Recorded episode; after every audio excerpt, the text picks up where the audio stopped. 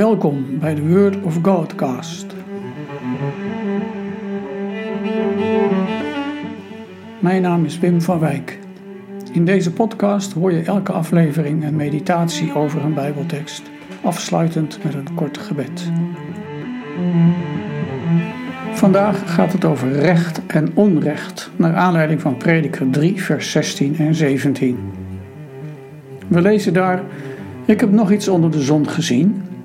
Op de plaats waar recht wordt gesproken, heerst onrecht. Ik zag de plaats waar gerechtigheid zou moeten zijn en er heerst onrecht.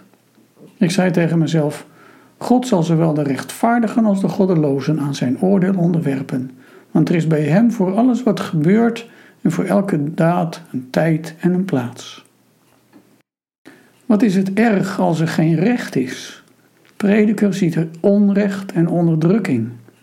En het schrijnende is, op de plaats waar je recht verwacht, in de rechtbank, daar waar recht gesproken moet worden, daar heerst onrecht.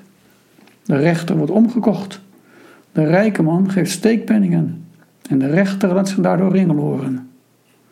Als dat aan de orde is, dan schudt een samenleving op haar fundamenten. Je ziet de tranen van de onderdrukten, van de ontrechten zomaar voor je. Ouders die onrecht aangedaan worden door de Belastingdienst. Arbeiders die rechteloos worden uitgebuit voor de bouw van sportpaleizen. Kinderen die voor een hongerloon moeten werken in de kledingindustrie. Wat voor antwoord hebben we daarop? In het algemeen verwachten we veel van liefde. Liefde in het gezin, in de kerk, in de samenleving. Maar als er iets fout gaat, als er iets grondig mis is, dan komt liefde tekort. Er moet recht gesproken en recht gedaan worden en onrecht hersteld.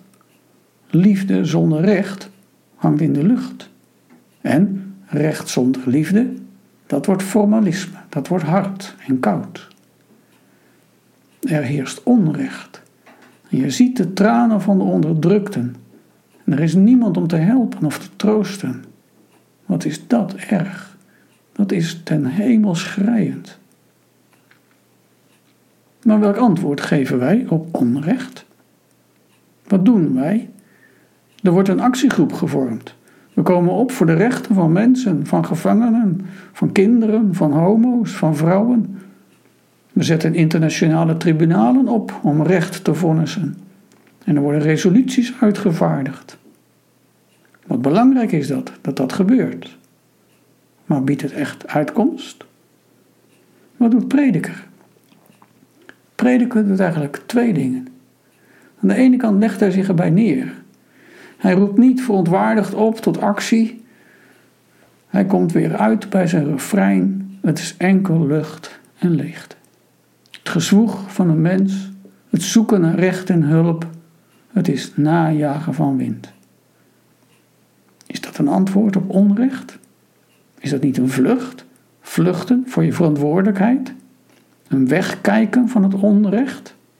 En juist dat wegkijken maakt het onrecht nog schrijnender. Helpt prediker ons echt wel verder? Is er iets waar je je aan vast kunt klampen? Prediker biedt, en dat is het tweede, gelukkig toch wel een aanknopingspunt.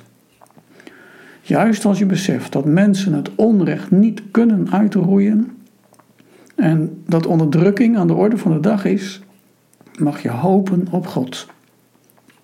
God zal zowel de rechtvaardigen als de goddelozen aan zijn oordeel onderwerpen. Want er is bij hem voor alles wat er gebeurt en voor elke daad een tijd en een plaats.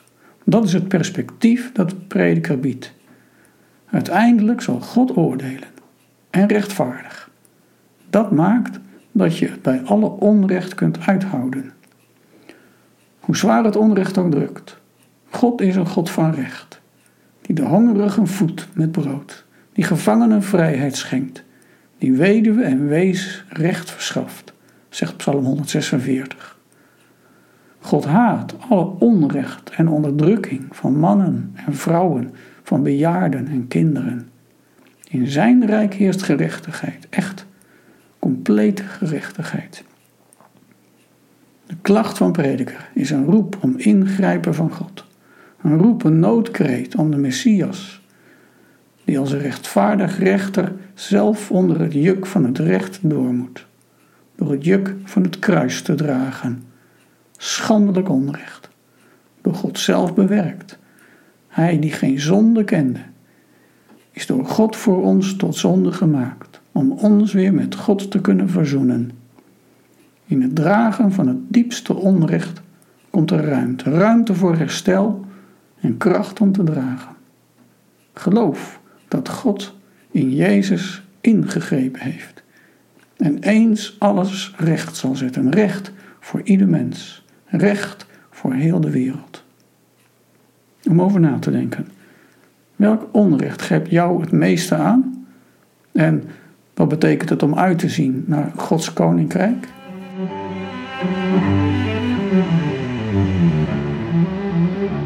Gebed. Heer, we bidden, breng recht en vrede in een wereld vol onrecht, haat en oorlog. Laat uw koninkrijk komen. Amen.